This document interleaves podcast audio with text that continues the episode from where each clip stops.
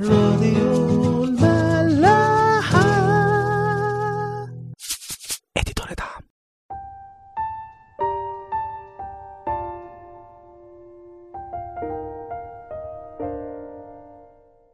أهلا بيكم في عيش وملح. وصلنا آخر مرة لما يوناثان اخد حامل السلاح بتاعه وراح هجم على الفلسطينيين في مخماس لوحده. وقبل ما يروح طلب علامة بسيطة من ربنا عشان برضه يتأكد إنه معاه. فلما حصلت راح للفلسطينيين وأول ما شافوه يقول لنا الكتاب سقطوا أمامه. وارتعد الجيش كله وتفرقوا لدرجة إن المراقبين اللي كانوا مع جيش شاول شافوهم كأنهم بيدوبوا كده. هنكمل بقى ونشوف حصل إيه بعد كده. يقول لنا الكتاب إنه أول ما شعب إسرائيل شافوا الكلام ده شاول غالبا فهم إنه أكيد حد من عندهم ليه دخل باللي حصل. فقال لهم يعدوا الناس اللي معاهم ويعرفوا مين اللي راح. فعدوا الناس وبيعرفوا إنه يوناثان وحامل السلاح. طيب قبل ما نكمل كنت عايز بس أفكركم إن آخر مرة كنا اتكلمنا عن شاول وقلنا إزاي إنه من ساعة الخطيه الكبيرة اللي عملها لما رفع الذبيحة مكان صمويل وصمويل وبخه وقال له إنه بسبب الخطية دي المملكة بتاعته هتروح لحد تاني إنه شاول ما تابش أو رجع عن اللي عمله إنما هو فضل معتمد على دماغه وعلى حكمته هو. فقال بعد كده دايما متردد ومتخبط في قراراته؟ لأنه ساب ربنا واعتمد على نفسه بس. الإصحاح ده هيورينا قوي تأثير الكلام ده على شاول. هنلاقي في عدد 18 إنه شاول قال لأخية الكاهن إنه يقدم تابوت العهد يعني يجيبوا ويصلوا لربنا عشان يكلمهم ويرشدهم يعملوا إيه. وفعلا اخيه بيعمل كده بس شاول مش بيستنى ربنا يتكلم أصلا. لأنه في نفس العدد بيقول لنا إنه الضجيج والدوشة من الفلسطينيين زادت جدا فراح شاول قايل للكاهن كف يدك يعني كفاية كده صلاة. خلاص أنا قررت. خلونا نكمل من أول عدد عشرين. يقول وصاح شاول وجميع الشعب الذي معه وجاءوا إلى الحرب وإذا بسيف كل واحد على صاحبه. اضطراب عظيم جدا. والعبرانيون الذين كانوا مع الفلسطينيين منذ أمس وما قبله الذين صعدوا معهم إلى المحلة من حواليهم صاروا هم أيضا مع إسرائيل الذين مع شاول ويوناثان. وسمع جميع رجال إسرائيل الذين اختبأوا في جبل افرايم أن الفلسطينيين هربوا فشدوا هم أيضا وراءهم في الحرب.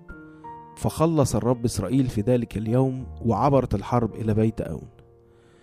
أنتوا واخدين بالكم اللي حصل؟ يعني واحدة واحدة كده. يوناثان لوحده قرر إنه يروح للفلسطينيين وقال لحامل السلاح بتاعه فآمن على إيمانه وجي معاه. وبعدين الستمية اللي مع شاول لما شافوا الفلسطينيين ابتدوا يخافوا ويتفرقوا راحوا هجموا هم كمان. وبعدين إيه بقى؟ يقول لنا الناس اللي من شعب إسرائيل اللي كانوا مع الفلسطينيين يعني غالبا أسرى أو يمكن كانوا بيتعاونوا معاهم عشان خايفين منهم. المهم إنه العبرانيين دول اتقلبوا على الفلسطينيين برضه وكل رجال إسرائيل اللي كانوا هربانين ومستخبيين في جبل افرايم لما عرفوا اللي حصل انضموا هم كمان للحرب. يعني شوفوا الموضوع بدأ بواحد. واحدة واحدة جه معاه كل الشعب ده عشان أمنوا على إيمانه وشافوا إيد ربنا معاه. اوعى ابدا ابدا تحس إنك قليل ولا صغير ولا الموضوع كبير ولا العدو كتير. ده بالعكس ربنا يحب قوي يشتغل بالقليل عشان بركته تبان وإيماننا إحنا بيه يزيد. وده اللي عمله يوناثان. إن بسبب إيمانه ده كل الناس دي أمنت على إيمانه واشتركت في المجد وفي النصرة دي. وهم عارفين ومتأكدين كمان إن الفلسطينيين اتهزموا مش عشان هم جامدين بس عشان ربنا كان مع يوناثان. لو أخدنا بالنا آخر عدد قريناه كان بيقول إن ربنا خلص إسرائيل في ذلك اليوم. يعني كان الطبيعي في العدد اللي وراه إننا نلاقي الشعب فرحان أو بيحتفل مثلا. إنما اللي حصل كان عكس كده. عدد 24 يقول لنا وضنك رجال إسرائيل في ذلك اليوم. لأن شاول حلف الشعب قائلا ملعون الرجل الذي يأكل خبزا إلى المساء حتى أنتقم من أعدائي فلم يذق جميع الشعب خبزا. ضنك رجال إسرائيل يعني اتضايقوا جدا جدا جاي من الضنك يعني. ليه بقى؟ عشان شاول برضه قرر من دماغه إنه يحلف الشعب كله أو يخليهم يقسموا إنه ملعون أي حد ياكل أي حاجة بالليل لحد ما انتقم من أعدائي. طبعا هو شاول عمل كده عشان عايز يقضي على الأعداء دول.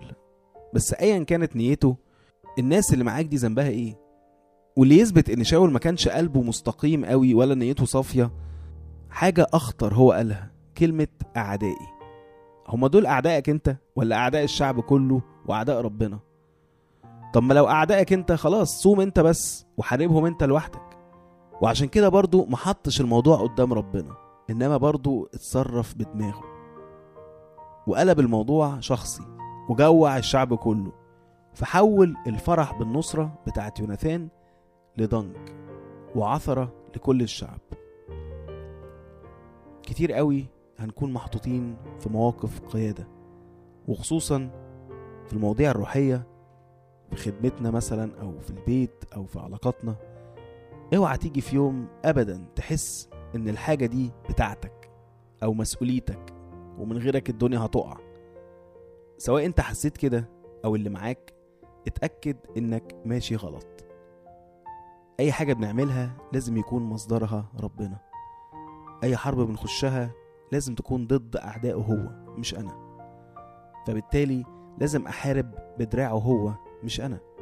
يا إما بلاش نعمل أعمال الله ونخلينا زي العالم أحسن. إنما لو عايز تشتغل مع ربنا يبقى لازم تشتغل عشان ربنا وبإيد ربنا. في أعمال الرسل 17 بولس بيقول عن ربنا في عدد 25 ولا يخدم بأيادي الناس كأنه محتاج إلى شيء إذ هو يعطي الجميع حياة ونفسا وكل شيء. وبيكمل في عدد 28 ويقول آية حلوة جدا لأننا به نحيا ونتحرك ونوجد.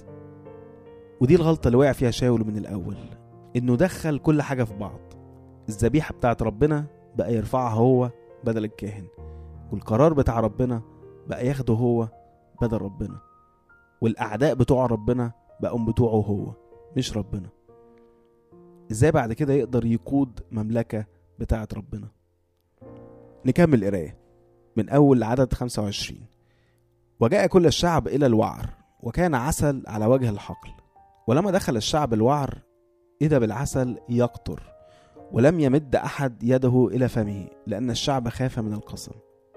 وأما يوناثان فلم يسمع عندما استحلف أبوه الشعب. فمد طرف النشابة التي بيده وغمسه في قطر العسل ورد يده إلى فمه فاستنارت عيناه. فأجاب واحد من الشعب وقال قد حلف أبوك الشعب حلفا قائلا ملعون الرجل الذي يأكل خبزا اليوم فأعيا الشعب. فقال يوناثان قد قدر أبي الأرض. انظروا كيف استنارت عيناي لأني ذقت قليلا من هذا العسل. فكان بالحري لو أكل اليوم الشعب من غنيمة أعدائهم التي وجدوا. أما كانت الآن ضربة أعظم على الفلسطينيين آدي نتيجة القسم بتاع شاول. ضايق الشعب كله ووقع يوناثان ابنه في الغلط من غير ما يعرف. وعصره طبعا لأنه ما فهمش ليه أبوه عمل كده. وقال طب ما كانوا ياكلوا ويكملوا الحرب. مين قال لك يا شاول تاخد قرار بالشكل ده؟ ربنا؟ لا. طب طالما قرارك أنت ما خدتش ليه رأي الناس اللي معاك؟ حتى الكاهن أو الشيوخ بتوع الشعب أو القادة. إنما شاول قال أنا الملك. أنا مش ممكن أغلط. وأي حاجة بقولها لازم تتسمع. كتير قوي مننا هيكونوا ملوك. أنتوا عارفين في سر الزيجة في الكنيسة العريس والعروسة بيلبسوا تيجان. يعني العريس ده بيبقى ملك على بيته. وهنلاقي في الكتاب كلام كتير عن إزاي المرأة لازم تسمع كلام الرجل وتخضع له زي ما الكنيسة بتخضع للمسيح. طيب معاك سلطان أهو. بس السلطان ده مبني على إنك كمان تحبها زي ما المسيح بيحب الكنيسة. وبياخد باله منها.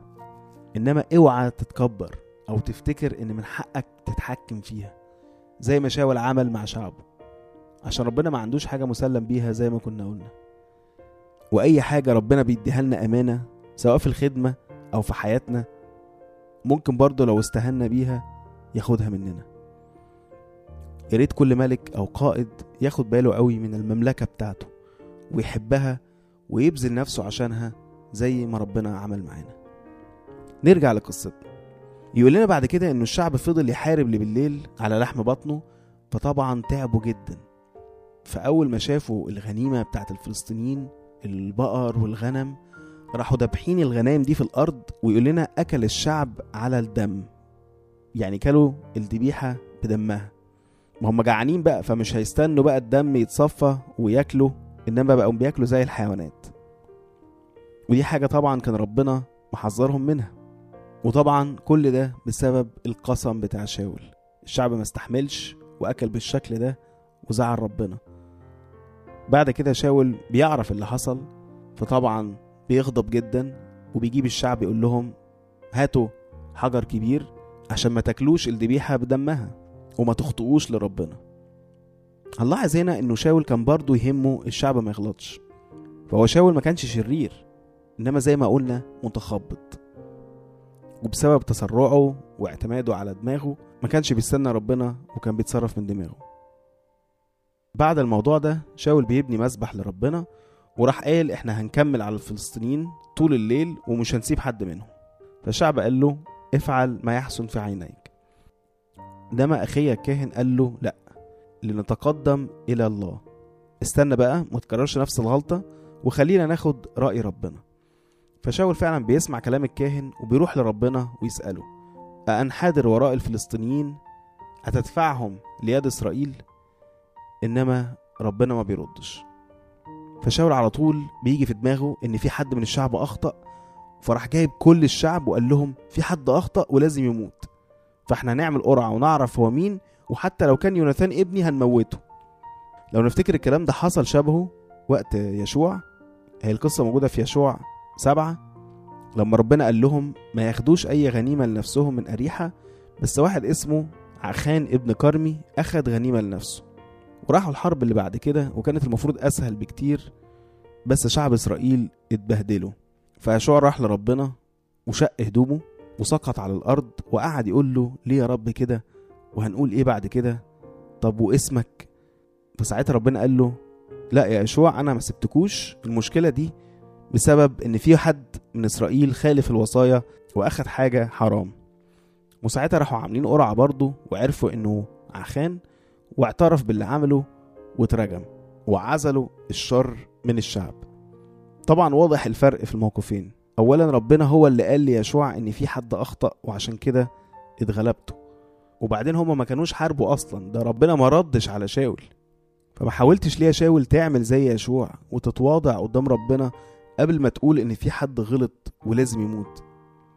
إنما برضو شاول المتسرع والمتكبر والمتخبط قرر إن في واحد غلط ولازم يموت. وفعلا بيعملوا القرعة وبتقع على يوناثان. فشاول بيسأله إيه اللي حصل فيوناثان بيقول له أنا أخدت شوية عسل وأديني هموت.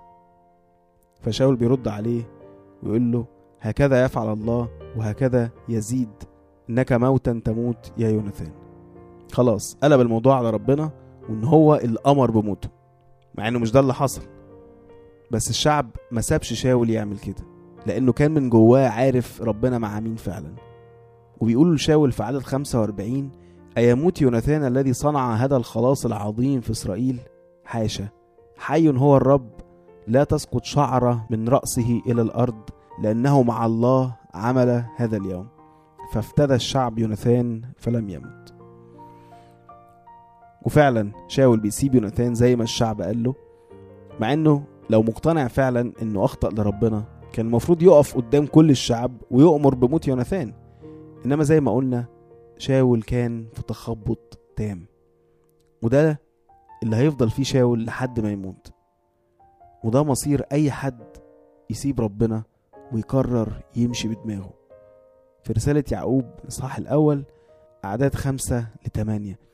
بيقول لنا وإنما إن كان أحدكم تعوزه حكمة فليطلب من الله الذي يعطي الجميع بسخاء ولا يعير فسيعطى له ولكن ليطلب بإيمان غير مرتاب البتة لأن المرتاب يشبه موجا من البحر تخبطه الريح وتدفعه فلا يظن ذلك الإنسان أنه ينال شيئا من عند الرب. رجل ذو رأيين هو متقلقل في جميع طرقه. نشوفكم بكرة. راديو ملاح. دي دنيا